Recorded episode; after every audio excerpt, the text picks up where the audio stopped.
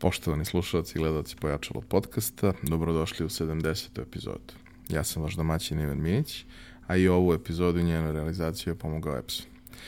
Moj današnji gost je neko koga je uvek teško predstaviti, zato što je kroz život radio baš razne neke interesantne stvari, ali poslednjih nekoliko godina ga najčešće vidimo u ulozi jednog od barbersa iz istoimene radnje, nazovimo to tako. Da. Karlo, dobrodošao. Hvala, bolje te naš. A, I sa barbersima i sa raznim drugim stvarima koje si radio u prošlosti, a, na neki način si pomerao ili scenu ili, ili tržište. Radio si stvari koje možda nisu bile komercijalno najlogičnije, ali se ispostavilo da su imale nekog smisla i da su imale neke rezultate. A, doći ćemo do Barbersa, proći ćemo ceo neki tvoj, tvoj razvojni put, ali sjećam se kada sam prvi put čuo za tebe, da mi je pet različitih ljudi reklo pet različitih stvari ko si ti i čime se baviš. Zanimljivo. Ovaj, jer je svako na neki način imao kontakt sa tobom kroz neku kroz neki projekat, stvar. Da, da, da, nešto. A, Kako je cela priča krenula, odnosno šta je mali Karlo hteo da bude kad poraste? Uf, ovaj, Karlo je bio eh, vrlo ovaj, drugačiji od ostale dece u svojoj okolini. Kaže Keva da sam puzao una, unatraške. Iz današnjeg Google-a to zapravo zvuči vrlo inteligentno zato što što bi udario glavom kad mogu pelenom. Mislim, ako analiziraš stvari. Kaže da niste da se družim sa decom, nego sam crtao ispod stola što verovatno ko zna šta, ko je to bilo u glavi. Ja sam hteo da budem nešto. Znao sam da sam drugačiji i hteo sam da budem nešto. Šta je to, ja to i dan danas ne znam. Ove, smatram, kreativac sam. To je recimo nešto što najbliže može mene, mene sebi da, da opiše, a to znači da imam prijemnik i da mi padaju na pamet konstantno ideje. Pokušavam to kroz vreme i godine da filtriram i da odlučim koja ideja je za realizaciju koju treba prepustiti. I na taj način se vozim ja već evo 43 godine ovaj, svesno manje, ali na taj način se, se vozim i nemam pojma. Ovaj, Karlo je hteo da bude nešto i da učinim i na, ostavim iza sebe nešto. Šta je to, još uvek ne znam. A kako je krenula priča po ono, posle osnovne škole kada u principu treba negde da se da opredeliš? Da nešto odlučiš, da. Nisam imao pojma gde ću uopšte i krenuo sam za ekipom u saobraćenu školu u Zemunu, ovaj, banditi i ja sa njima. Ubrzo sam izbacili iz te škole jednom, pa onda drugi put. ovaj, onda sam po kazni. Ove, roditelji su smislili zapravo super, super foru. Moja baka, pokojna sada, je jedan od prvih modnih kreatora na, na ovim prostorima i onako vrlo bila autoritet žena u svakom smislu, samostalna i tako dalje, bavila se visokom modom i ja sam po kazni išao ovaj, vanredno u tekstilnu školu i bio asistent modnog kreatora sa nekih 16 godina sam morao da nosim modelo, pager, otprilike Dafina, Arkan, ja i Sloban smo imali pagere u tom periodu. I, ovaj, I to je, zapravo sam ja tu bio neke dve godine, dok nisam završio školu, to je bilo zapravo i njen asistenta, to onako držala me kao, kao da me plaća mnogo i kao da je nisam najrođeniji, taj, taj neki odnos, ali sam imao i laku neku prođu, to se malo ja crtko kao nešto kreirao, glupirao se, ali me to nije, nije ispunjavalo, ona je pokušala da mi zapravo prebaci porodični posao, pošto je moja majka isto sa venčanicama, baka sa ovom drugom stranom, i kao da ja nastavim taj porodični posao koji je pred 90. 80-ih bio ovaj vrlo dobar porodični, porodični biznis. Svila i Kadifa i te fore, ne znam, od princeze Karadžorđević koja se oblačila tu, pa Jadran Kavanović, operske pevačice i tako dalje. Dolazili su neke te dame one Jugoslavije ne znam i tako, bili smo sponzori ove, boljeg života, znaš, i taj fazon, Svetlana Bojković nosi sve to i zašelja, to se šilo tu. Znači, eto, kapiraš koja je priča, priča bila i meni je sve to bilo na tanjiru i nije mi bio izazov uopšte. Sam čak dobio neku nagradu jer mi je palo na pamet taj rišelje, to je neki rad ručni koje je moja porodica nekada radila ove, je nastao od kardinala Rišeljeja i tako dalje. To su one čipke. E sad, ovo je rađeno kao na svili i bilo je zanimljivo. To su uglavnom neke linije, ove, to jest koje liče na cvetove, listove i tako dalje. To je ta, a ja sam kao zamenio to notama i violinskim ključem i kao dobio nagradu za inovaciju u, ne znam, kao nikome to nije palo dva veka, tri, razumiješ? Ali mislim, glupost je u pitanju. Ja stvarno ne smatram to nekim sad svojom velikom, znaš, stvarno je glupo, samo se niko ranije nije setio, nije predložio promenu, nego ljudi vole da se ušuškaju u tome što jeste i ne pomeraju se dalje od toga. Ja sam imao potrebu da ono, to je ne potrebu, jednostavno vidim da neke stvari mogu da se pomere levo i desno i da se napreduje na ovaj ili onaj način, pa sam onda bio kao klinac buntovan, pa sam malo išao u kontru, malo sam gazio više nego što treba da bi skretao pažnju na sebe, to je neki valjda prirodni osjećaj za marketing. Otko znam. Ali sa jedne strane, u priči si koja je ono, stvar, ok, porodične tradicije, ali tu se prave neke stvari koje se prave na određeni način jako dugo i vrlo malo ima inovacija i bilo čega da. i onda si ti došao i neko, pa ne, vrlo jednostavno, kao, znaš, samo vidiš da je nešto dosadno i kao, to može da se malo mrdne, znaš. Meni je to prirodna, prirodna stvar, ja to vidim svuda, ali ono, trudim se da se ne pravim previše pametan. Da se obuzdaš. Pa da se obuzdam, da, vremenom sam to naučio. E, tu sam ja na nekom snimanju, snimao se katalog, ove, kole, dve kolekcije od moje bake i mene, Ove, I snimali smo ju po Belom dvoru i tako dalje. Znači, sad kapiraš koji je to level ozbiljnosti one Jugoslavije, to su posebne dozvole u Beli dvor. Sećam se toga ako sam klinac bio. I ja sam tad upoznao jednog frizera i oduševio se zapravo u jednom njegovom pokretu rukom i mene je to kao jebate, hoću ja ovo. Kako, kako je on ovo izveo? A on je napravio neku bananu prstima što je za profesionalca kao što je on bio, bila laća, meni kao ne, potpuno nepoznata činjenica, ovaj, frizera je kao to da je to isto vid umetnosti, mene je to kupilo u momentu, sam poželeo da naučim to da, to da radim. I, ovaj, I onda sam ja pitao njega, pa sam se onda malo raspitivao o njemu, pa o frizeraju, da naišao na biografiju Vidal Sasuna, ovaj, jednog od najvećih frizera svih vremena, i potpuno se zaljubio u filozofiju koju on čovek, ovaj, sad da ne pričamo o njemu, ali možete potražiti, to je čovek koji je izmislio šišanje, koji je smislio šišanje, pre toga je šišanje bilo skraćivanje. A on je napravio oblik 3D, pomerio dimenziju, e, tu sam se ja zaljubio u, u frizera i krenuo da učim tu tehniku, da se takmičim, bla, bla, bla, to je bilo 98. 9. otprilike. I radio sam u Rocking Hairu, to je bio u tom trenutku najurbaniji salon u, u Beogradu, pored atelja 212, čak onaj KGB kafić je nastao kao potreba zbog velike gužve, ozbiljno. Ovaj, i, a imao je bife već u ateljevu, ali su na taj kafić je kao druga stajalište i s ove strane rock ekipe Beograda koja se tu šišala, to je ono, cela jugo istorija rock and rolla je tu dolazila i tu sam odrastao zapravo i učio šišanje.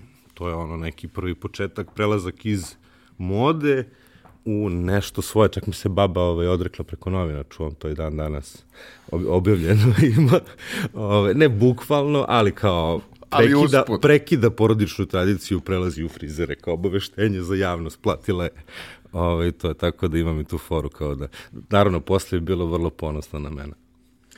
I to neko oblikovanje kose i frizera je nešto čime se ti u principu baviš u kontinuitetu. Pa nešto od, od čega ja najbrže zarađujem. Ovaj, u suštini i volim to, to da radim. To je na neki način ja to doživljavam kao vajarstvo, kao, znaš, vid, vid umetnosti od koja je primenjena umetnost, koja može da ovaj, zaradi lovu. Zna da mi se smuči, ali ne zbog posla, nego zbog ljudi. Imao sam pauzu od pet godina, morao sam da napravim pauzu jer sam ono doživeo skoro pa nervni slom. Ovaj, mnogo sam radio i taj dan sam 52. ženi, 52. po redu takmičio sam se sa jednim šaševim crnogorcem, ovaj, ko će više da uradi. Ovaj, samo što je on smislio tehniku za brzo šišanje, a ja sam bio malo sporiji jer sam svaku frizuru teo da uradim drugačije još. Da, jedan level dam i 52. žena, mislim, video sam u glavi svašta i samo sam ostavio alat, izašao i pet godina nisam ovaj, ušao u salon. Pa sam učio da tetoviram. Eto, to je bio neki izazov koji mi Ćale postavio, pa sam mu odgovorio na, na, na, na izazov. Tako da nemam pojma, pa se vratio posle u frizere, ali sa pot, potpuno drugoj pričom i tako je nastao Barbers. U osnovi ja kao frizer sam 25 godina sa 5 godina pauze.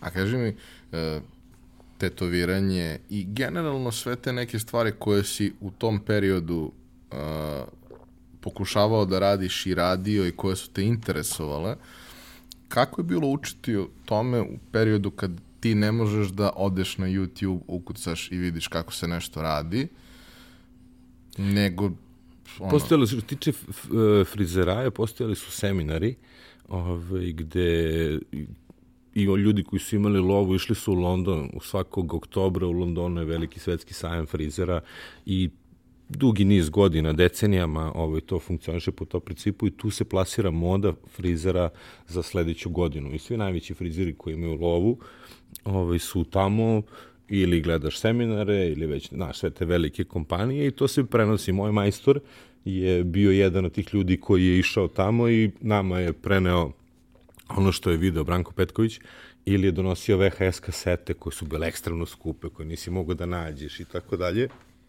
I onda, s obzirom da nema puno informacija, ti kreneš tu kasetu da gledaš iznova, iznova, iznova, iznova i sažvaćeš ovaj, maksimalnu tehniku šišanja. Bilo je mnogo sporije i mnogo teže. Što neće fora, sve to što se sada dešava je isto to što je, što je bilo onda, obrnulo se, znaš, u, u, u osnovi. I te tehnike su te koje, s kojima možeš da ošišaš šta god da se pojavi. Možeš da kreiraš, to je poenta. Zato sam se ja zaljubio u frizera, jer mogu da budem kreator u svemu tome, ali trebalo vremenom doći do poštovanja klijenta da ti on dozvoli da ti uradiš ono što ti misliš jer si profesionalac. Znaš, da te on ne gleda kao bilo kog frizera, ne, onako random idem da se ošišam, nego da shvati glupo reći veličinu, ali iskustvo, da shvati iskustvo koje ima i da će on uvek bolje da uradi ono što misliš nego što da, da ti zamišljaš. Poverenje. Da ima jednostavno poverenje, to je bilo najteže. Znaš, a pogotovo na friku kao što sam ja, koji je hteo ono da prelazi granice u svakom slučaju, znaš, što je pretrano i glupavo, ali ono, pravda mladošću. A, to je nešto što, svaka od tih stvari je nešto što ti ok, kao gledaš, da, moraš negde da probaš. da. Sve te stvari se kroz praksu zapravo Naravno, da. razvijaju i usavršavaju Naravno. i kad naučiš tehniku, onda možda budeš kreativan da sa njom. Hrabar. Ali kao prvo moraš da naučiš sve to. Kako to funkcioniše? Pa moraš da budeš hrabar i moraš da ovaj, radiš prvo na svojima. Ne znam, na pokonćale tu sam ovaj, šišao puno i naučio muški fenkare, Ovaj, on me je naučio u, u, u osnovi da ga, da ga šišam.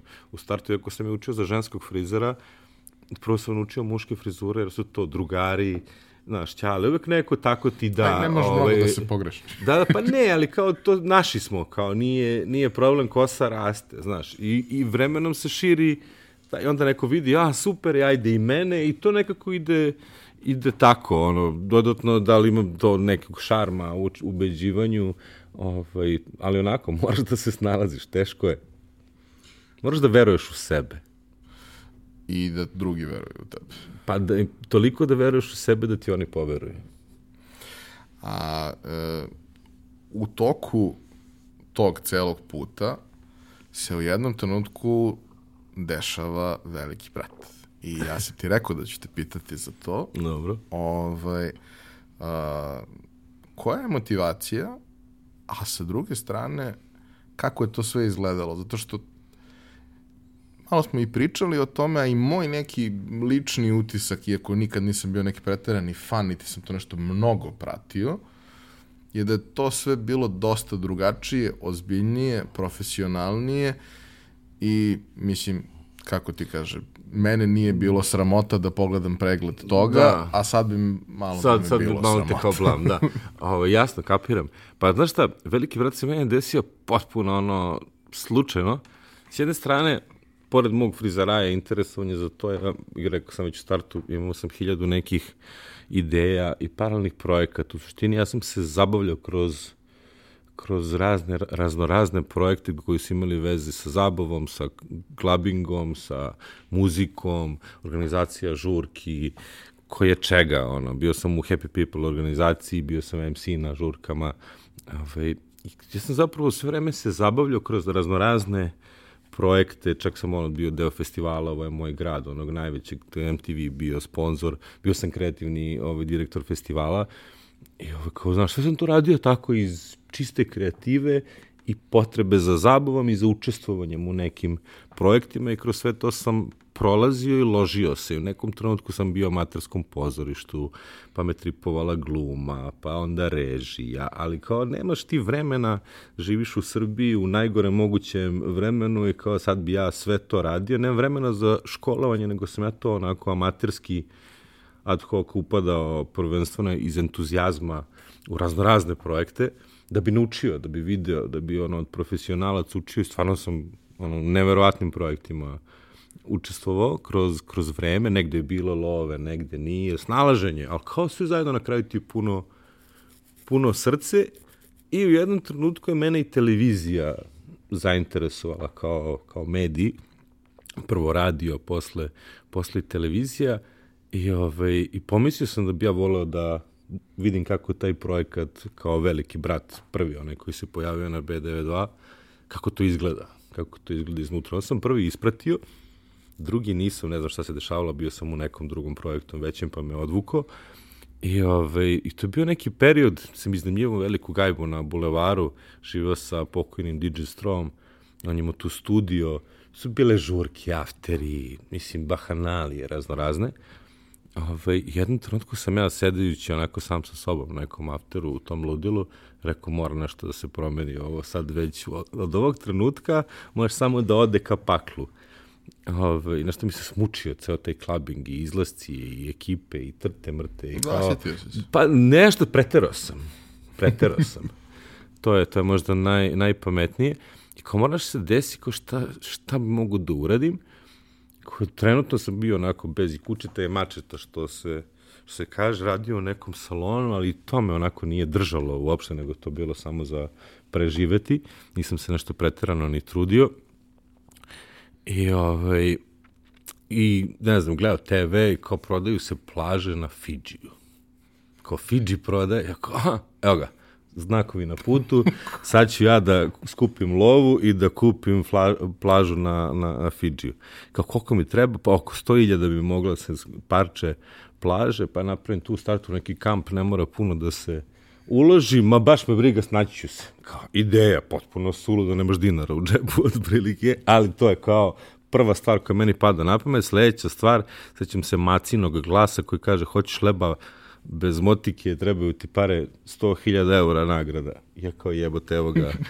to je to. to je drugi znak, uzmi telefon, prijavi se, uzimam telefon, prijavljujem se I ovaj kao, jebate, šta sam ja sad uradio, kao, ok, prijavio sam se, ajmo kao u igru, šta je veliki brat, i krenuo da istražujem, ovaj, onako malo na ozbiljnijem nivou i dopadne mi se filozofija čitave priče koju malo ko zna zašto veliki brat uopšte ima onaj mašina glas. Nije samo da bi se sakrio čovek koji je iza, nego je tu obrnuta priča. To je zapravo mašina manipuliše ljudima kao što ljudi manipulišu u svojoj kući mašinama, odnosno vlada njima, ona kad ugasi svetlo, Ove, obrnule se ulogi. Da, obrnule su se ulogi. Meni to bilo jako zanimljivo. Zapravo jeste poenta 100.000 eura ko će da izdrži najduže u kući kod, kod mašine koja ti daje određene zadatke da radiš.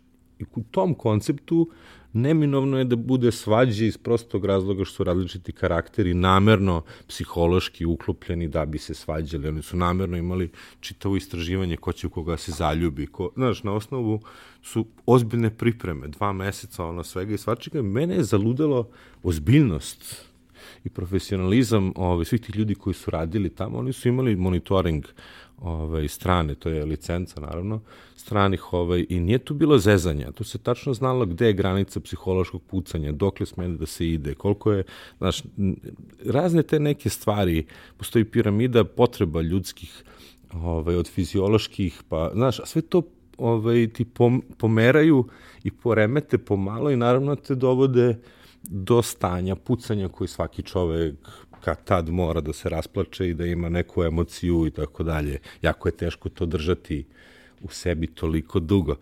Ovo danas je potpuno drugačije. Tu su zapravo u startu granice su, su prešli, tu se puca prvog dana. Znaš, to, to, pod, kad to pogledaš tu piramidu potreba u ovim trenutno realitijima, toga nema i zasnovano je sve na svađi. Ono je bilo nešto drugačije, ono je bilo i psihološka igra sa samim velikim bratom, sa ukućanima i tako dalje. Ja sam tu sebe testirao ko sam, šta sam, kakav sam i koliko mogu da ovaj, čitam sa usana, koliko mogu da igram igre, koliko sam ono kao vispran da smislim tehniku kako da izbacim koga, taktike i vrlo je meni to išlo. Znaš, išlo je ovaj, skoro do samog kraja, treći sam bio. Saćam se. E, nekako mi se čini da su i ljudi koji su tada selektirani, selektirani sa nekim malo drugačijim motivima. Mi smo bili da... freak show žena bez noge, kepec, ljak se, kao, ja sam bio, po znacima navodnika, urbani beograđanin, ove, koga mrze seljaci. To je, i, znaš, to je čitav koncept je baš bio freak show. Ta treća je baš bila freak show i najgledaniji veliki brat ove, pre ovih velikih formata sada. Taj je bio najgledaniji, čak gledaniji od prvog, što je ono baš zanimljivo. Mada Kada prošli život, doživljam to stvarno kao prošli život. Kada si izašao i vratio se u u normal, normalan život. Da, nije mi bilo dobro. Kako je prosto to sve izgledalo? Ti si do tog trenutka neko ko jeste gradska faca, ljudi ga znaju, ali nisi Mislim, household name. Da, ne, ne, naravno. Bio sam to kao i ole, ovaj, to nešto po, po gradu su me ljudi znali, ali ovaj, posle toga je postalo jako neprijatno valjda moraš da budeš, ja, ja sam ekscentrik i bio egomanijak. U jednom trenutku se nešto tu slomilo u meni, ja, ovaj, meni to što nije prijelo. Baš me je smaralo i nisam mogao da se osjećam opušteno među velikom količinom ljudi, čak sam dobio anksioznost i postao anksiozan od silne, silne popularnosti i baš mi je ono, ozbiljno smetalo, sam malo išao i kod psihijatra da se, da se vratim sebi i onda sam shvatio da moraju da me zaborave brzo, I, ovaj, jer je to instant popularnost i brzo će me i zaboraviti, ali sam morao da se pomerim, pa sam, moj ovaj, biološki otac, pravi tata, je u Nemačkoj, na koga sam ja frik, on je zapravo ta genetika jaka, sve i svašta, samo što je mnogo, mnogo bolji u svemu od mene, to je zanimljivo, da ja sam uspešniji, on je bolji. Ove, ovaj, sad, to je pitanje šta je bolje, šta je uspešniji. Genijalac, za mnoge stvari koje ja ne znam da uradim, on zna da uradi. Ove, ovaj, I otišao sam kod njega na neko vreme, nismo komunicirali skoro tri decenije, ovaj, ne, dve decenije, i posle sam bio kod Burazera koji u Švici, moji su svi uglavnom preko, već negde ovaj, emigrirali, ja imam potrebu da ostanem ovde, ovaj, tu mi još jedan brat i majka, ali imam potrebu da, da budem u Srbiji. Tako da sam ja jedan period otišao malo preko, pa su me ljudi zaboravili, malo sudeblju pustio bradu, ovaj, bilo je, ono, maskirao sam se, znaš, u, u čitavoj priči i ove, nisu me toliko više smarili. Po neka me prepozna pa nešto, ali ono u startu je bilo jezivo. Jezivo je kad se ono, prekine predstava zbog toga što ekskurzija te prepozna u publici, jezivo je te ono, cepaju u, u, u tržnom centru da te okupiraju, to se imao napad panike, ono nešto, 500 dece oko mene, Znaš, ali baš je neprijatno. Ti Moraš si da bio da budeš... youtuber pre YouTube. Da. Ove, I to je bilo onako vrlo vrlo neprijatno. Kažem ti da sam imao, desilo mi se da sam se rasplakao na sred ulice, mislim sam da sam tad pukao, tad sam shvatio mi treba psihijatar, ovaj, od silnog toga, znaš, lažan osmeh, lažan osmeh, lažan osmeh, lažan, znaš, i u trenutku nešto se slomi u tebi. Niti sam ja bio pevač, niti je meni ta popularnost bila potrebna. Meni je bilo potrebno tih 100.000 da ja kupim plažu na Fidž da odem u tri lepe. Iz prostog razloga što sam vidio da se ovde oko mene se dešava neki haos i kao neki reset, nešto da se, da se desi. Šta je bilo posle tog Fidžija, ko zna. Ove, ovaj, ali nisam to teo u Evropu, pa kao sad ja to, ne znam, Švajcarska, Nemačka i to gde naši pale, nego ako palim, ovde ne idu tri lepe. Ove, ovaj, I tako da sam ostao tu i učio da tetoviram bio zatvoren na gajbi, to moglo jedan na jedan da neko sedi, sedi sa mnom i to je trajalo skoro pet godina. Ove, I to mi je jako prijalo. Tu sam on radio na sebi, ove, upoznavao sebe, lečio e, e, ego, komplekse i ostale stvari i resetovao se posle svega toga. To je neki ono put. I kako dolazi do priče sa barbersima. U tom trenutku toga nema. Nema, da. Ovaj, naravno, kao i svi navučen sam ovaj, na mreže još od MySpace-a. Ovaj, I trudio se da negde budem kreativan u svemu tome, jer je to platforma za pokazivanje svoje kreativnosti na ovaj ili onaj način. I, ovaj, I onda sam pratio sve ostale mreže i na YouTube-u sam naleteo na neki desetminutni kao prilog ovaj, iz Holandije, iz Rotterdama, o ekipi koja se zove Šorem, ili ti bitange provedeno sa, sa holandskog, gde je tip ovaj, koji je bio panker, koji se ložio na Vidal Sassoon i radio istu priču koju sam ja radio, otprilike prepoznajem sebe u njemu, samo što je on par godina stariji. I ovaj, priča priču kako mu se smučilo ovaj, ženski saloni, unisex i kako, kako zapravo se izgubio straight muškarac u čitavoj priči i on je poželeo da vrati staru priču na lokalno mesto za muškarce, da su muškarci postali metroseksualci i da kao klasičan straight muškarac, porodični čovek, tata, bitanga, nebitno je, mangup, nema više svoje mesto. I on je sa svojim drugarom odlučio da napravi tako nešto dva ozbiljna frizera, tehničara koji su radili pred toga uglavnom žene ili bili unisex, je kupio veliki barberski pult ovaj, za dva radna mesta, nešto pompezno izgleda ozbiljno skupo, i prosuo marketinški mit ovaj, koji je mene kupio na, na prvu, a to je da je on pronašao u tom ovaj, pultu staru berbersku Bibliju. Sad postoji negde mit da postoji kao berberska bitlija, Biblija i tako dalje, u kojoj pišu pravila kako berber treba da se ponaša i kako svoje poslovanje da vodi. I on je na osnovu te Biblije koje nikad nije dokumentovao ovaj, napravio svoja pravila, to je bio to ovaj, samo za muškarce mesto, nema zakazivanja, ne postoji VIP, VIP mora da se zasluži, a kad zasluži ide na zid, na zidu je ono poštovanje pravih šmekera i muškaraca kroz vreme lokalnih i svetskih, ili ti zid poštovanja, ono, respekta, ovaj, retro kvalitet u smislu ozbiljnog nameštaja, ozbiljne stolice i ozbiljnog šišanja. To šišanje je zapravo osnova svih ostalih šišanja i to je klasika koju je malo ko znao da uradi i on je skinuo i naučio nekih 8 do 10 frizura i napravio još i moment tih osam frizura se radi. I oni i ovaj drugar i napravili su bum za šest meseci su oni bili puni ovaj, da je bilo 20 ljudi ispred. I ja se primim, ja što je ovo dobro, cela, ceo trip mi se jako dopadne. Ovaj, I kao, sad ću odem, idem u Holandiju. Kao, ne mogu holandski jezik da učim, baš je baš je gadanin, zašto bi ja sad bežao iz svoje zemlje i kao smorim se. Da, da, I dođe Milanče da me ošiša, koji je sad jedan od Barbersa, i neki naočar je valjao u tom trenutku. Ove, I kao nešto ja tu sa njim peglam oko tih, evo rekao ti, pusti da vidiš te ovo zanimljivo. I pustim mu, pogledamo klip ponovo, I on kao, jebote, ja bi ovako, ja se pronalazim u ovome, da, da, da, vamo tamo, hvala ti puno, dao si mi ideju, rekao, ništa nije, on kao me zove, posle, ja i Bata se dogovorili da otvorimo ono što si mi pokazao. Rekao, če, a ja? Pa kao nismo znali da ti hoće sa stariji od njih nekoliko, ovaj, mislim, međugeneracija, ovaj, znam i, i roditelja, čak Bati znam i dedu. Ovaj, jak se takmičio, njegov deda je meni bio, bio žiri.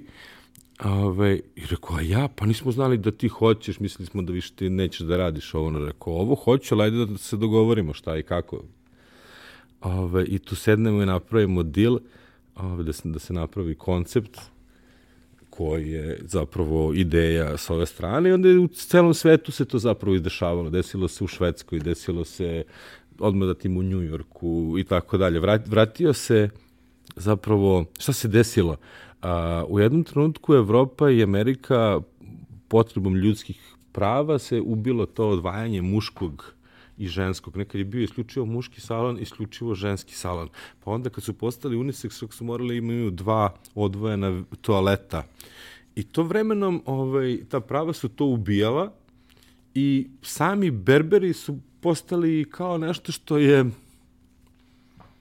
kako bi karakterisao kao nešto što je jeftino, kao nešto što ne valja, kao nešto što je prošlo vreme, kao nešto što je pase. I oni su sami prelazili u muške frizere i onda i unisex frizere i tako dalje.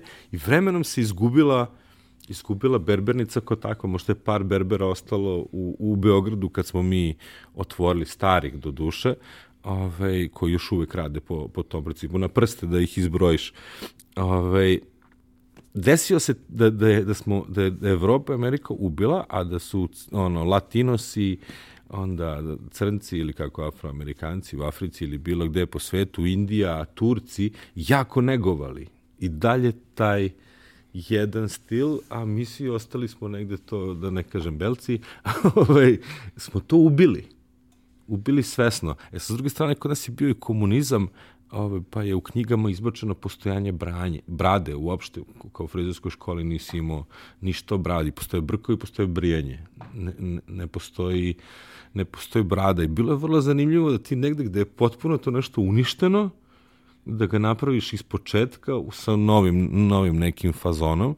I mi smo se prepoznali u tome bitange u čitavoj toj priči ovaj, da, da negde to predstavimo i da stanemo iza ideje u vremenu koje uopšte to ne želi, koje potpuno ide u neki drugi, neki drugi pravac prema feminizmu, prema, znaš, ovaj, tim nekim potpuno kontradiktornostima, Ovde je zapravo jedan punker alternativac skapirao da je otišlo sve dođevola i da je straight muškarac sada postao alternativa. Ugrožen. Ugrožen i postao alternativa. Znaš, i, i, i vratio se te ljude koji su, što se kaže, čabi i istetovirani i bradom im dao malo na muževnosti i na muškosti i ovaj, ljudi koji su ostali bez kose sad opet imaju razloga da imaju neku frizuru. Znaš, upravo, da, to, to je, ovaj, I zapravo to bio jako veliki prostor ovaj, potencijalnih klijenata. Ne, Znaš, imaš... ti pogledaš iz više uglova na, na berbernicu kao takvo, ona ima potpuno ovaj, mnogo pravaca. Znaš, ne, nemaš na jednu ciljnu grupu, imaš ih više, znaš, koji su slobodni, koji su pušteni, koji se sami sređuju, koji se ošišaju s 300 dinara, samo brzinski da izađe salona da ne sluša laprdanja. Ove, raznorazna. Pa onda si dobio mit, svi frizeri su pederi.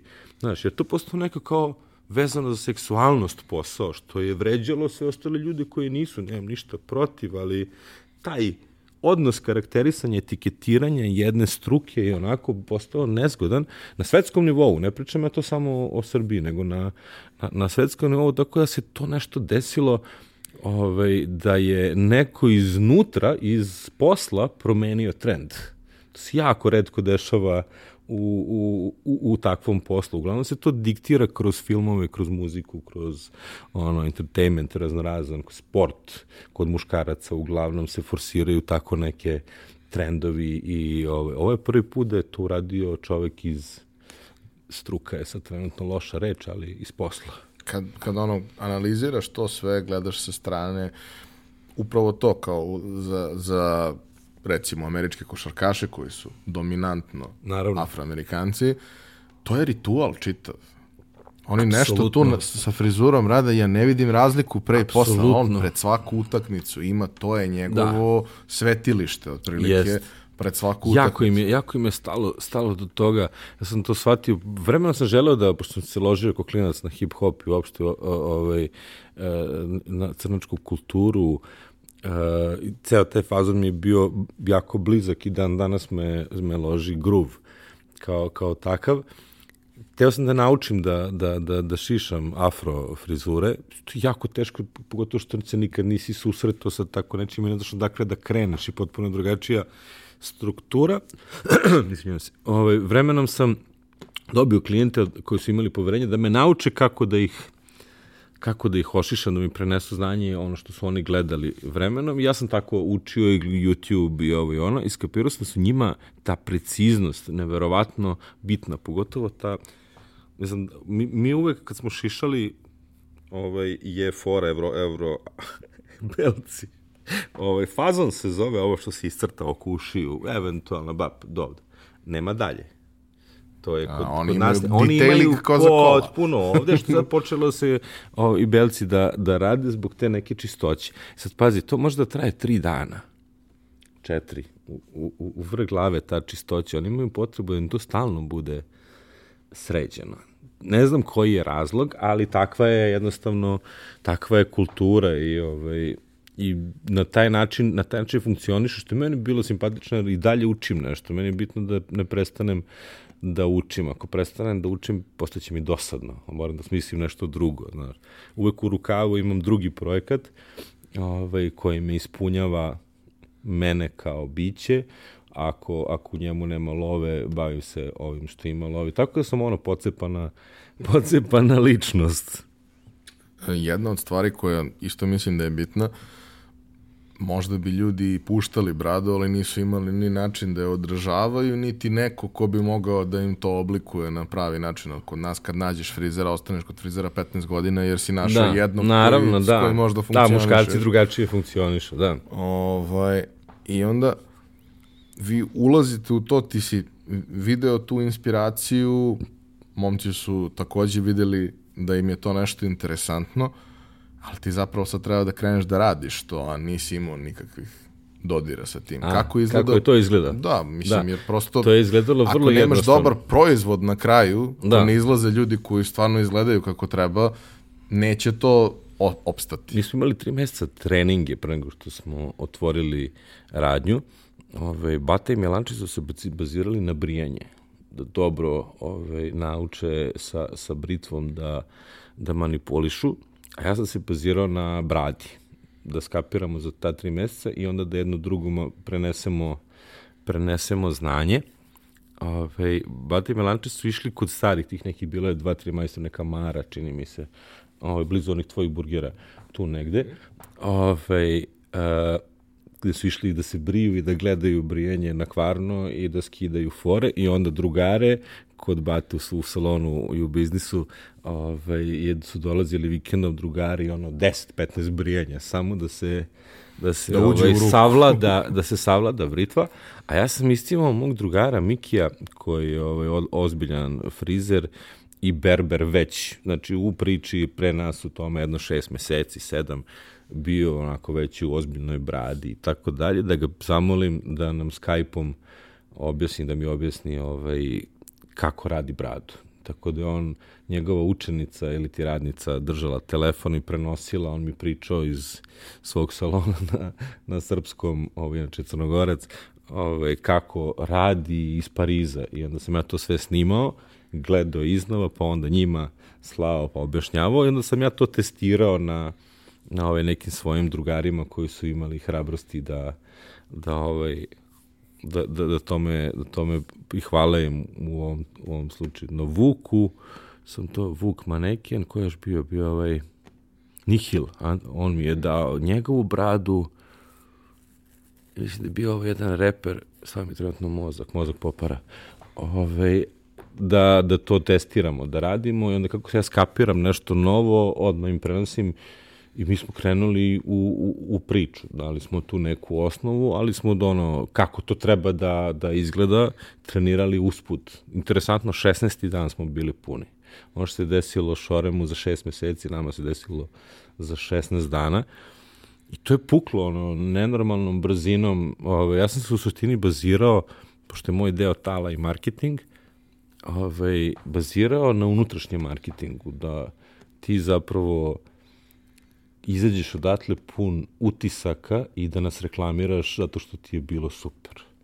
To je bila moja ono, cilj. Marketinger, nismo imali dodatno, mnogo smo para uložili u tom trenutku ovaj, u prostor, znaš, orah, drvo, pa mermer, pa ovo, pa sve to košta, nije to jeftina priča štapa kanapa hipsterska, što mnogi pokrešno karakterišu hipstera, je nešto što je štapa kanapa, ovo je onako interesantno, barberi, berberi nekada nisu voleli hipike, tako da to je vrlo u kontrastu to kad nas nazivaju hipsterima ovaj, u čitavoj priči. Hipsteri su ne, nešto što je nastalo iz mutacija, hipi, mutacija nekih hipika, a berberi su zapravo čak imaju kill the hipster majice, ono, znaš, učit, ali to znači da ne dođe ti čupavac i ti ga središ i ošišaš na muškarca. Znaš, tu je taj od odnos, njega ali, čoveka. ali da, narod tako voli da lepi, lepi etikete, ako smo mi postali hipsteri, ono meka hipsteraja, što je potpuno nebuloza, ali okej, prihvatili smo to. Zapravo napravili smo majicu, nisam hipster, imamo je. Tako da, ovaj, je, zanimljivo je to, ali vremenom se to peglalo, znaš, onda što više radiš, sve si bolji i bolji i bolji i bolji i bolji i više i više i više više učiš, ono, trening, kilometraža je, je negde, negde bitno. Učili smo, ovaj, puno nam je pomogao YouTube, nije bilo toliko toga na YouTube-u, ali istraživanja konstantno su uticala, kao u svakom projektu, morali smo dobro da istražimo sve o čemu se radi, sve što može da nas sačeka, da nas ovaj, dodirne. I iz tog unutrašnjeg marketinga jako gde ti imaš free ovaj, ili viski sada rakiju, imali smo sponzore u startu, ono, uspio sam završiti sponzore i to Jack Daniels, ovaj, ako smem da spomenem. Slobodno. Bio Ove. sam, bio sam. Da, da, da. I Heineken je bio u startu. Heineken nas je posle otkačio zbog tih prava. Ove, Jack, za Jack smo mi posle otkačili, ali bilo je fora da pre nego što smo otvorili smo mi već imali dva velika imena, što je potpuno suludo, kao nisi ni otvorio radnje, imaš dva sponzora, da prvo smo im ponudili jako dobar deal. Nama je bilo bitno da se mi nakačimo za velike brendove, da bi nas ljudi shvatili shvatili ozbiljno i mi smo to jednostavno i uradili. I treći frizerski Val brand smo čak imali, tri sponzora smo imali, nismo ni radnju otvorili. Val su Tako da- proizvođači mašinica. Mašinica, da, one koje mi inače koristimo, ali negde smo hteli zapravo s tim da smanjimo trošak u startu i tako dalje. I ovaj, tako da je sve to ono, bazirano na osnovu iskustva iz poznavanja organizacije, marketinga, projekata, ovaj, tog nekog čitavog mog iz prošlosti CV-a ili crnoga, si- sivog crnoga. Ovaj, svog tog iskustva je nastala ovaj, sada kao nešto ono, što, što ima smisla i uspelo je jer je jednostavno bio deo svetskog trenda i svetskog pokreta u tom trenutku i pet godina to pegla onako ozbiljno na svetskom nivou, sad u Beogradu imaš hiljade barber shopova, ove, mi dalje ove, smo vrlo posjećeni. S tim da ste vi umeđu vremenu i dosta porasli. Da, sad nas Ali ima desetora, to, da. Da, ajde da to bude drugi deo priče. Prvo što Ajde. hoću da te pitam, ok, napravili ste lokal i taj lokal je ostavio utisak na svako ko je došao. Da. I u to je uloženo jako mnogo truda da to zapravo bude tako. I ok, ti uzmeš i nacrtaš šta treba da ti napravi stolar i on ti napravi. Sve je to u redu. Ali gde ste našli stolice? E, Milanče se bavio sa, sa tim. Milanče je baš ljubitelj ove, starih stvari i on je u suštini ovaj, cepajuća ličnost i hipster i, i, i, majstor ovaj, u, u njemu i on, on je po oglasima tražio, to je bio deo njegovog tala ovaj, da se bavi s tim, s tim stvarima, sa majstorima, sa bla, bla. I zapravo skupio jako dobru ekipu. Imali smo ovaj, i dobrog arhitektu koji je, koji je Batin drugar iz Holandije i čoveka koji je radio, ove, kako se zove to, scenografije uh -huh. i već, ne znam šta, vlada koji je ono ozbiljan umetnik. Tako da ove, sve te naše neke ideje su oni sproveli u delo, Melanče se time bavio i tražio po oglasima stolice ove, koje su negde, negde ostale u, u, u Srbiji i našli smo ih vremenom dve po dve smo, smo nalazili. Imamo stolice iz Prvog svetskog rata, imamo stolice iz Drugog svetskog rata, ere, i imamo i 70-ih.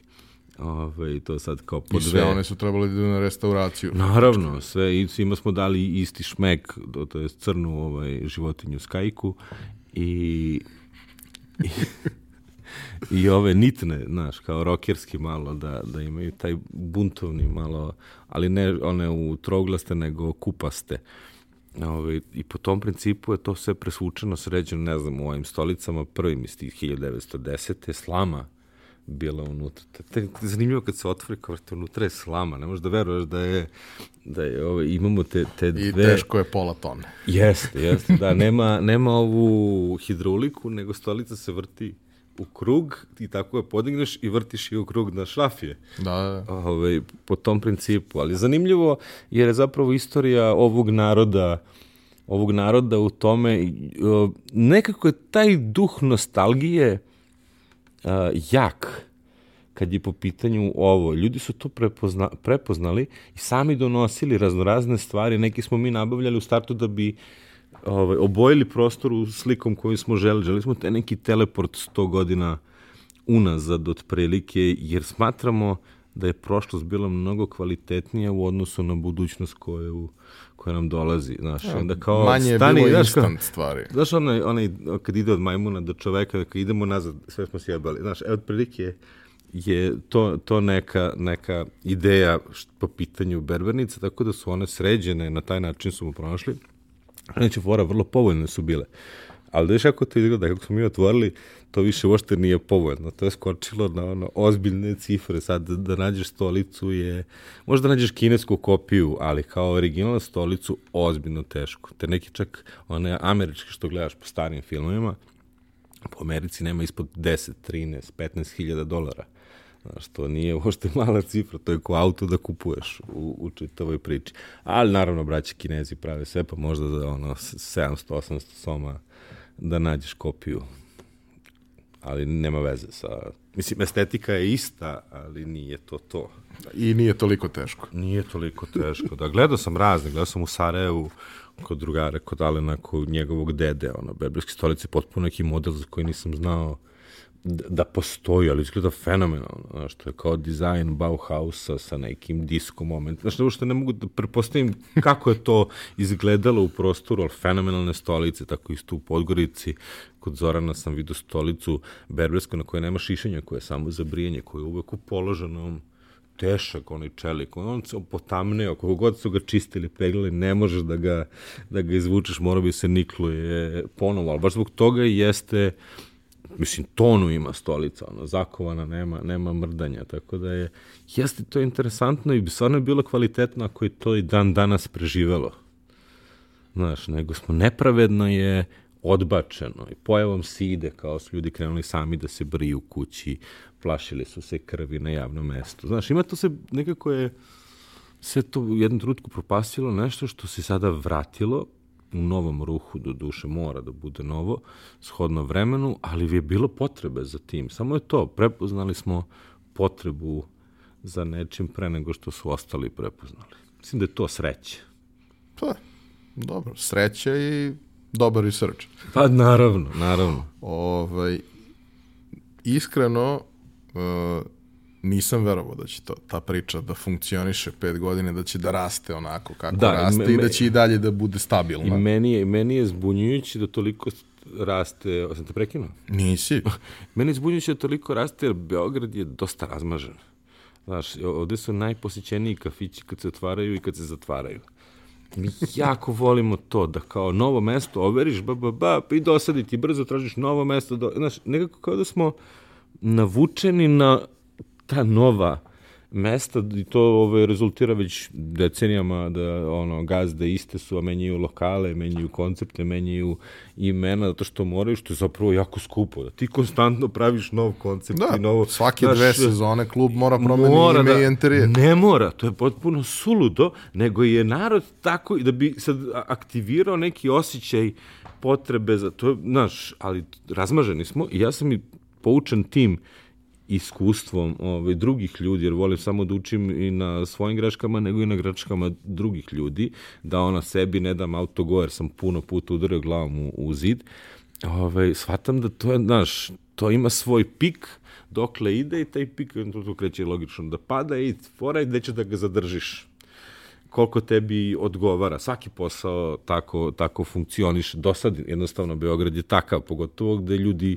gde ljudi dolaze. Ove, ovaj, I ono što je interesantno, opstaju stvari koji imaju kvalitet. Znaš, ja sam to gledao, na primjer, pomara pljeskavicama.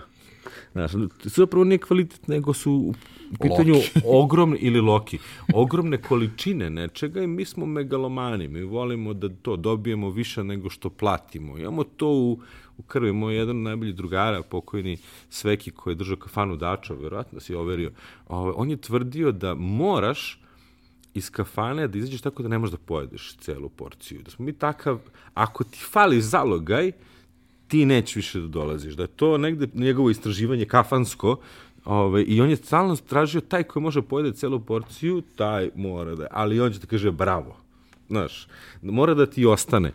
I, ove, ili, I to je kvalitet u hrani. I onda sam skapirao, to je jedina stvar koja obstaje u Beogradu je to megalomanština i kvalitet. Znaš, da to nije previše skupo, da je veće nego što si platio, ove, iako ima još nešto gratis do jaja. E, na sve to smo ubacili fazon, muziku, znaš, mali taj teleport u neko prošlo vreme, od svega toga smo postali turistička zapravo atrakcija i na taj način smo produžili da to duže traje. Evo sad je korona dovela nas do toga da moramo koncept to smo promenili smo ga u jednom trenutku jer drugačije nismo mogli da radimo, počeli smo radimo na zakazivanje i tu smo smislili ovaj foru Barbers verzija 2.0, znaš, oko ovih telefona i svega toga što kao napreduješ.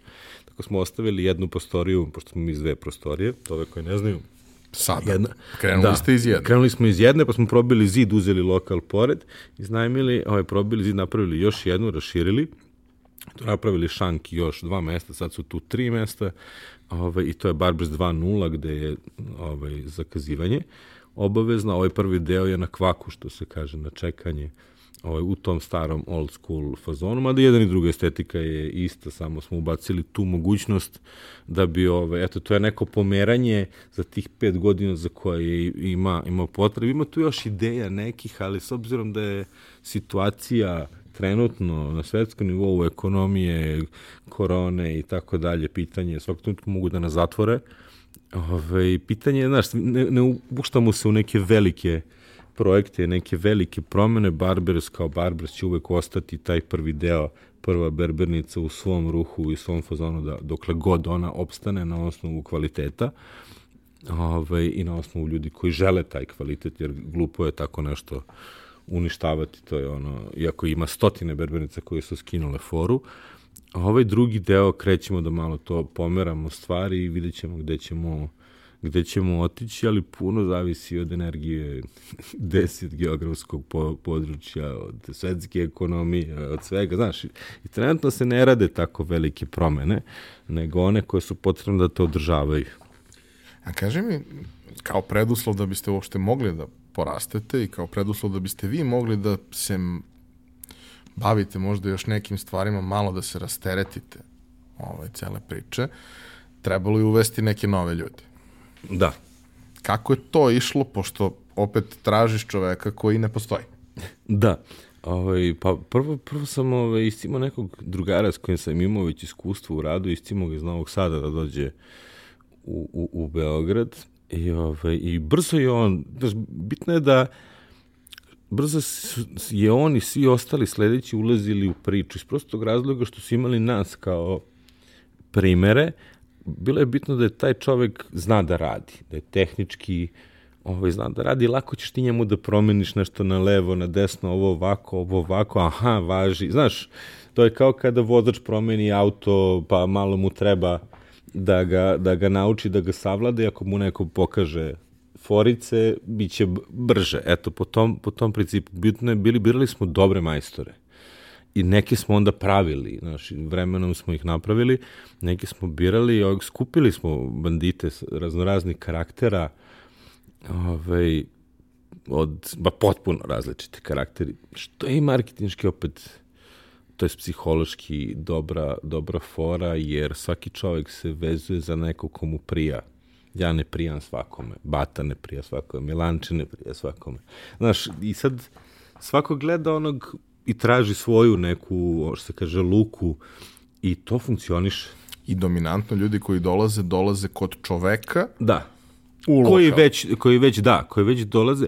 Pa u suštini, ja sam trudio da svakog od njih napravim ne da napravim, nego da predstavim, on je napravljen, da ga predstavim uh, takvim kakav jeste, da bi se ljudi prepoznali u njemu i na taj način da svako od njih ima svoju svoju klijentelu, mi smo svi zajedno tim. Svako od nas radi različitim tehnikama, ali u suštini smo negde, kada ono, pogledaš po kvalitetu, manje više slični, znaš. Naravno da je neko ko radi 20 godina uh, ima kvalitetniju i sigurniju ruku od nekog ko radi dve godine. Znaš, to je logična stvar i tu nema priče, ali ne sme da bude ispod tog kvaliteta ovog od, znaš, i tu postoji mera Standard. standard neki kvaliteta kako to treba da da izgleda i sad posto, znaš, ne šiša, ne dišemo svi isto, a kamoli da šišamo svi isto, ali bitno je da to bude bolje od svih ostalih, znaš, u, u, čitavoj, u čitavoj priči. Koliko će neko da napreduje, koliko se loži, koliko je... Ja se trud, trudim i ložim da učim svaki dan, znaš, i doživljavam tehnike ove, kao i aplikacije. Uzmeš novu aplikaciju i sa njom radiš već nešto. Po tom principu svaki zanat do, doživljavam. Ove, na taj način učim o raznim stvarima i napredujem i dok učim, ložim se na to što radim. Znaš, ložim se da uradim bolje, da savladam i nije, ne, ne sme posao da mi dosadi. Ako mi posao dosadi nije dobro, radit ću loše. Tako da je to neki princip koji mi svi funkcionišemo i pronalazimo se u tome. A da li tu postoji i taj moment da ste svesno od trenutka kad ste mogli dozirali sebe? Jer vi niste tamo svaki dan, ceo dan, svako od vas, nego imate nekakav raspored da. unapred isplaniran. A, jednom trenutku smo ozbiljno ginuli, da ću ti kažem, prvo sam radio po 12 sati, pa sam radio 10, pa 8, pa 6. To ti je raspon od 4 godine. Ove, jer smo prskali od količine količine ljudi i radili smo najtežu stvar koje niko ti ne preporučuje, a to je kvantitet i kvalitet zajedno. Tu je zapravo super posao, ali ti pucaš, ti pregoriš. Imali smo jednu trenutku kao svi imamo posla, svi smo super, svi smo garderobu doterali, svi smo ovaj, super, neko auto uzao, neko ovo, neko ulaže u posao pored, znači svima je sve dobro, ali nervozu nabijamo. Znaš, nema, nema razloga, nemaš... Jer smo shvatili da smo preumorni, da, da mora da se napravi reset i onda to kao 15 dana zatvorimo radnju, mora da se napravi reset, pa ajde zaposlimo još radnika da bi smanjili sa sebe toliko. I tako smo malo po malo, malo po malo, ali nismo mogli odmah to da uradimo. Onda su svi govorili, e sada od, po celoj Srbiji tamo otvori, ovde otvori, evo ti lova, ja ću da pomognem, evo kredit, evo ovo, evo ono. Shvatali da ne, nije to neko to mora standard, da radi, neko to mora da napravi, a to nekog ti moraš da napraviš. Znaš, onda više se ne baviš svojim poslom, nego se baviš nečim drugim, kao, znaš, nije to, ne znam, proizvod koji je sada trend, pa nabavit ćemo ga milion, pa ćemo da pustimo i da obrnemo lovu. Nije, to je zanat. Ne možeš ti zanatliju da napraviš preko noći, treba vremena. Znaš, treba vremena. Eto, peca koji je Spaski, ovaj, koji je peca je na, za nas, jer je uvek ostaće mali, ovaj, došao kao sav ponosan, najbolji džak generacije frizerski, ja sam došao da se zaposlim. Vrlo samouvereno, jer ga to vozi već ne znam koje vreme, najtalentovaniji, najbolji. Njemu je rekao profesor da se on na, vama javi, da, kao super, ajde da si do modela, daj došišaš da vidim tog najboljeg. I u njegovom šišanju on stvarno stav sve. Da, da, da, ja nađem 24 greške i svakomu predočim, argumentujem. Zašto? I, ove, ovaj, I rekao, super što si ti najbolji, kako su ostali. Znaš, sad, za, za naš standard je to, moraš da prođeš. Samo je rekao, ne, ne želim da se zaposlim, želim da me učite što je bilo ovaj, njegov najbolji, znaš, u tom trenutku je on skapirao sam sa sobom i to je jako bitno da te ego ne, ne savlada. Ne savlada, mnogo je to teško. I učio, on je sad jedan od najtraženijih naših radnika. Ovaj, I učio, ja tvrdim da će on za još koju godinu biti bolji od svih nas kojih je učio, iz prostog razloga što je od svakog uzao najbolje. Znaš, a nas trojica smo drugačiji u čitavoj priči. Tako da na Tenri smo opet pravili nove, novu ekipu i ja, vrlo sam ponosan na svoju ekipu i to dobro funkcioniše, znaš. U čitavoj snalazimo se, dobri smo. Ono, postali smo turistička atrakcija, u jednom trenutku je New York Times pisao nama, nemački reality je došao kod nas, ne znam, kineska nacionalna televizija, kineski neki magazin mesečni koji je ovaj, jako čitan. Toliko nismo imali pojma, dolaze kinezi, matko šta je, bili neki novinari, oni se nisu ni predstavili. Oni su pitali, može slika, može, oni su fotkali, napisali svoj utisak. I to mi ishvalili, ono, ozbiljno, ozbiljno. Da se desilo, jednom trenutku smo postali tačka na nekom izazovu klinaca iz Australije. Ove, I to nisam skapirao odmah, nego kao pojavlja se pattern, isti se ponavlja, to je da tip iz Australije, lupam sada možda 20 godina ima, 20 koja, ili manje, nebitno je, ne mogu više proceni koliko, koliko ima godina, ali otprilike isti tip, ima bradu. klinci koji izgledaju kao surferi sa velikim rancem na leđima, ovaj, sami, pitaju jel ima, primate karticu, znači to je isti je, isti je pattern potpuno i hoće da se šišaju kao god ti hoćeš. Jedan, drugi, treći, ja pitam trećeg, u čemu, znaš, već sad mi to postaje, i to se dešava u roku od To, to, dan za danom. braću? Dan za danom, I kao čemu se, o čemu se radi? Mislim, manje nisu svi fizički, iz, ali isto godište i istog su priče i putuju. I ništa više. Ja kao čemu se radi klinac mi objasni kao kada završe valjda da srednju koleđ ili već nemam pojma šta, pa pre nego šta je period između dva ovaj, imaju izazov da obiđu celu geografsku Evropu i da se upišu na određenim tačkama koje su posetili i neki prvi koji je to uradio, ali sam ideš sa karticom, ovaj, rancem i snalaziš se imaš određenu lovu, bla, bla, bla, kao izazov i moraš da se upišeš na određenim tačkama. Beograd, Sava Mala do Barbers je tačka za, za Beograd bile. Sledeće Nikola Tesla ovaj, e, muzej. I sam vidio mapu na kojoj piše Barbers pa Nikola Tesla, kao i to je, kao, sam bio šokiran, kao moguće ovo, znaš, to je, to je ono, sreća, to je, neko je izabrao, ja šta mislim logično, Sava Mala je predstavljena pre, pre ovog Beograda na, na ovaj, Lebu vodi Lebu, ovaj, je, je Sava Mala bila turistička atrakcija kao art area, ovaj, koja je tako predstavljena.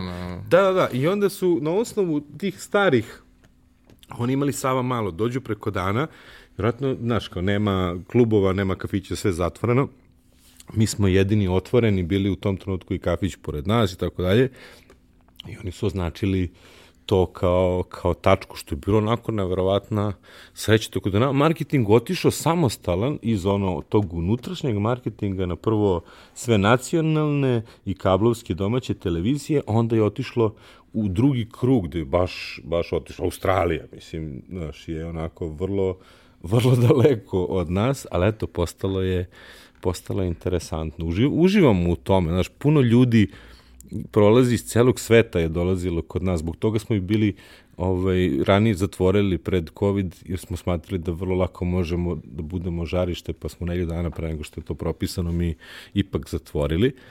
Ovaj, jer ljudi nas ono povezuju stranci kao barbershop i to je teo turističke atrakcije Beograda, eto, tako da je, i to nas je stavila čak i ovaj, turistička organizacija i država na to mesto kad se snimao neki magazin o Srbiji, kod nas su, su, su je bila ekipa, ovaj, tako smo vrlo ponosni što predstavljamo svoju zemlju i što smo stra- strancima interesantni. Sigurno moram ti ispričam još jednu priču, sad kao tu energiju koju ljudi prepoznaju pa nešto donesu ili imaju potrebu da u, učestvuju u izgledu berbernice. U startu frizerski neki ovaj, kako se to zove, uh, običaj je kad neko otvara radnju da se baci nešto malo love, siće ovaj, po ćoškovima da bi bilo love. To je neko ovaj, stari običaj.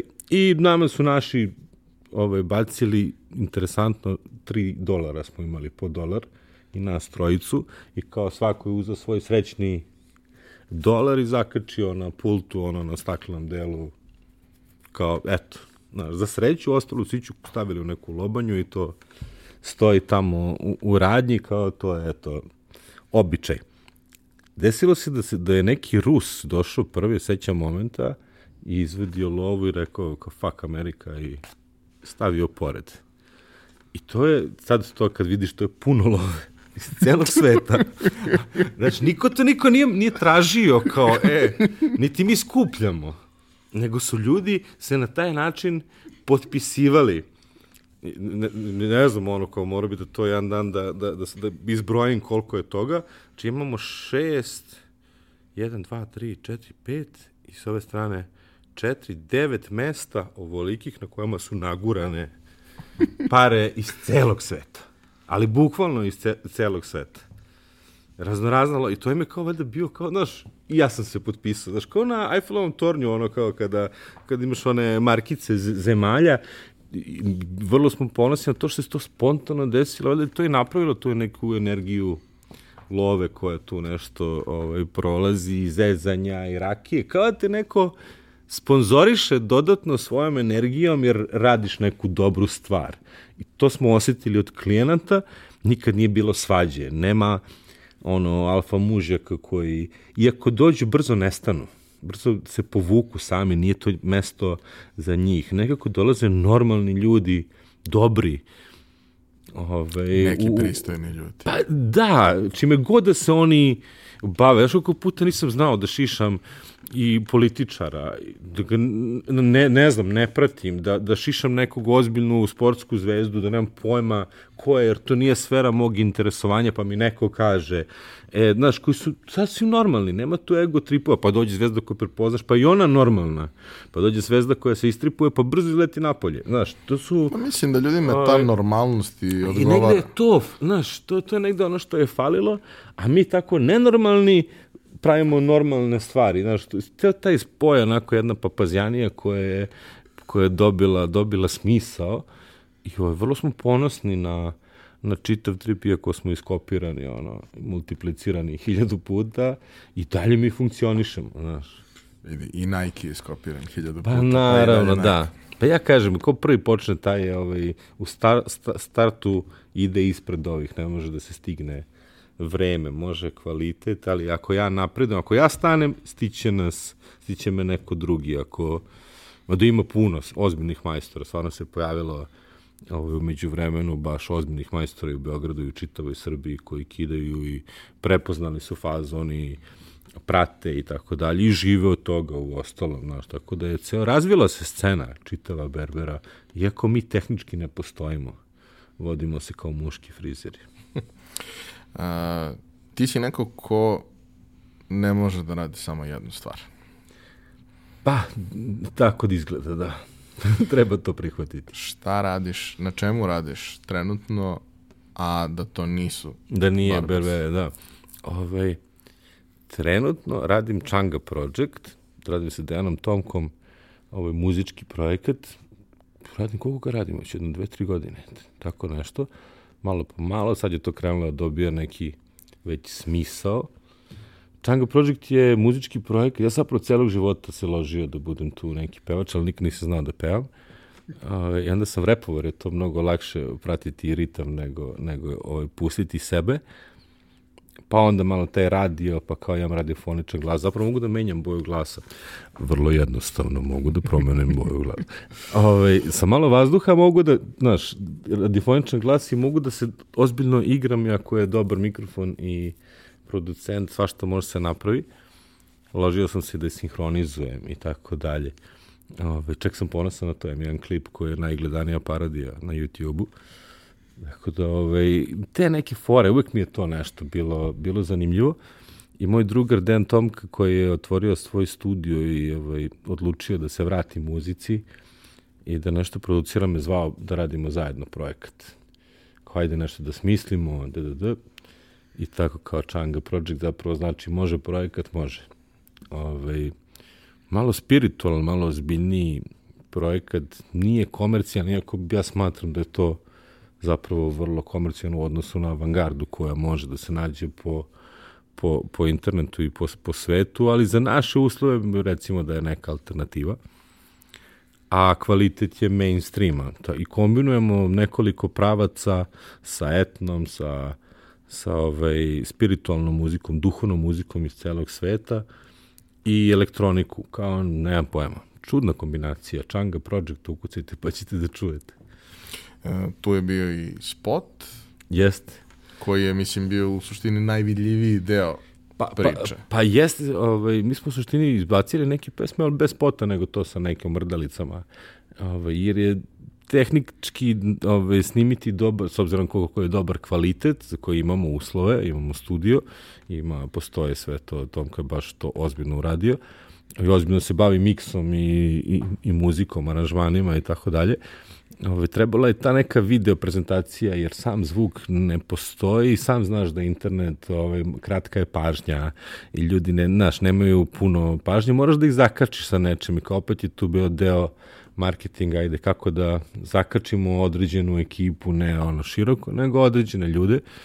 Ja sam onda se bavio svojom i prvom ljubavlju režijom, i, i scenarijom i angažovao super ekipu, drugare i napravili taj spot Veoma terapija. interesantna ekipa. Da, vrlo interesantna ekipa. Svi su mi to drugari koji poštuju moj rad i ideje, ovaj, a generalno su i face što se kaže ovog grada, već legende. Možda neki klinci ne znaju ko su, ali su ovaj, za mene ozbiljne legende.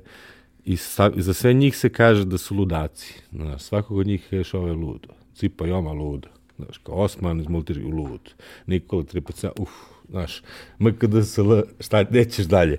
Tako da, i tu još, ove, znaš, ceo, ceo taj trip, a sad fora što ja pričam abstraktnu stvar, pričam, da to treba reći, pričam abstraktnu stvar sa muzikom, ove, koja može samo animacijom u postu da se uradi, to i sam znaš, animacija i postprodukcija to je ekstremno skupo i to traje. I to te neko hoće da ti učini drugarski, što imam drugare koji se bave i žele da učine, to traje, treba vremena, ovo, jednostavno, znaš, da čije babe zdravlje sad nekoga maltretirati, a to je ekstremno skupo. Kako da snimimo nešto što je abstraktno, ovaj, da ti to ne, a priča, pričaš ludu priču. I onda mi je palo na pamet da zapravo sve se dešava na terapiji u ludnici, da. u kolektivu i svi smo mi ludaci, ja ti pričam neku priču i smatraš me za ludaka i sve to okej. Okay. Eto, tako da ta terapija je spot o kome pričamo, sad posle ovoga ukucajte. Zanimljivo je. Pa nisi loš za jednog ludaka. pa da. Pa u suštini, ko ovde nije poludio, taj nije normalan. A, hvala ti što si bio. Hvala ti što si podelio priču. Pa dobro, to je neki naš standardni, ovaj, standardna dužina. A, verujem da sve tvoje priče će negde doći na ono mesto gde ti želiš da budu. Zato što energija sa kojom ulaziš u sve to i ljudi sa kojima ulaziš u sve to mi nekako govore da bi to trebalo da bude tako. Pa, otko znam, ja se trudim. Ovo, ovaj, ima pomeranja i ponosan sam na pomeranja. Ponosan sam na na neke stvari koje sam nekoga inspirisao. To kada upoznaš ljude koji si inspirisao, da oni urade nešto sa sobom, to je negde ono, na, najjači osjećaj koji, koji je pohvala. Sve ostalo je meni neprijatno. To radim jer imam potrebu da uradim i nešto ne očekujem da ne znam šta sad ja promenim ceo svet, daleko od toga. Ja bi samo malo da dodam informacije i inspiracije i drugačijeg pogleda pomere, pomeranja stvari, ali da nikoga ne vređam i da nikoga ne ugrozim, nego da pokušam da mu pomognem i ako on to ne traži. Znaš kako, i ovo što mi snimamo nema preveliku publiku. No. I ja nemam neku ambiciju da se to budu desetine, stotine, hiljada slušanja. Ne kažem da su sve stvari koje imaju nekvalitetne. Daleko od toga. No. Ali ove priče uglavnom nisu nešto što zanima neki veliki broj ljudi, ali kad me neko pita, pa dobro, kao kako možeš da se cimaš ako te, ne znam, gleda možda proseku 3-4 hiljade ljudi po, po epizodi ili sluša, ja kažem, ali ljudi, i kad pišem tekstove, to najčešće dođe do nekog relativno malog broja ljudi. No. Da. Ali ja sam imao potrebu da kažem. Upravo. Da, da ne bude da nisam rekao. Ne Upravo. ono I told you so, nego evo Evo, vidi, pa, da. pa ne znam, možda te pokrene na nešto. Ja sam baš skoro napisao neki status o, o tome da stvarno smatram da ideja kao takva i talent je deo DNK, deo ovaj, nekog koda koji je upisan u nama. Kažemo, padne, palo mi nešto na pamet. Znaš, padne nešto na pamet, znači da ti sam kosmos šalje ideju. Lampica se uključila, ideja kao takva je dar. Ja smatram da je najveći greh ove, ne slušati ideje ne slušati sebe. Jednostavno, ako imaš poriv da nešto uradi što ima svoje zašto, znaš, možda si baš na planeti upravo iz tog razloga da bi ti to nešto ispričao, da bi jedan tamo neki video, da bi on uradio to, inače će ovde sve dođe ovo. Dakle, da u tom nekom nizu ja stvarno ovaj, smatram da je greh ne, svoje ideje ne realizovati, makar se potruditi da ih realizuješ ako nije, jednostavno možda nije bilo do tebe. I tako funkcionišem. Zato ja to toliko toga i, i sve i, i, i radim. Jer stvarno smatram da to ono, sam Bog ti šalje ovaj, priču i znakovi na putu, snalazi se, gleda i prepoznaje. Dokle nisam gledao znakove, udarao sam glavom u zid, pravio greške, kako sam počeo da obraćam pažnju, grešaka je sve manje. Znaš, život svoj smisao pronalazim u svemu tome. Šta god to bilo, samo ne umetničko, to mi je blisko, da sport sam retardiran. Znaš, to su sada, to, to, su, to je realnost. Treba, znaš, znati ko si, šta si i u čemu si dobar. I toga se drži. I pomere ono svoju zonu komfora, što kažu life coachovi, malo da bi mogo da napreduješ. To je pre njih rekao David Bowie. Znaš, ti moraš da izađeš malo dalje da bi bio da napreduješ, jer ako se držiš u jednom te, te istom, znaš, staješ tu, ostaješ tu, sad sve su to porivi ljudski, ko koliko ima potrebe i želje. Pa mislim da si na kraju objasnio zašto sam te zvao. Pa da. hvala ti još jednom što si bio. E, hvala, baš mi je bilo drago. Hvala vama što, što ste nas slušali, hvala Epsonu što nas podržava i dalje. Ovaj, kao i do sada, sve svoje komentare, predloge, ovaj, ostavite na za to predviđenim mestima na društvenim mrežama, na komentarima na YouTube-u i tako dalje i mi ćemo se truditi da sve vaše ideje uvažimo i pokušamo da ih realizujemo, sve vaše predloge i za ljude da probamo da dođemo do tih ljudi i, i da ih dovedemo. A ja vam se zahvaljujem još jednom na pažnji, čujemo se i vidimo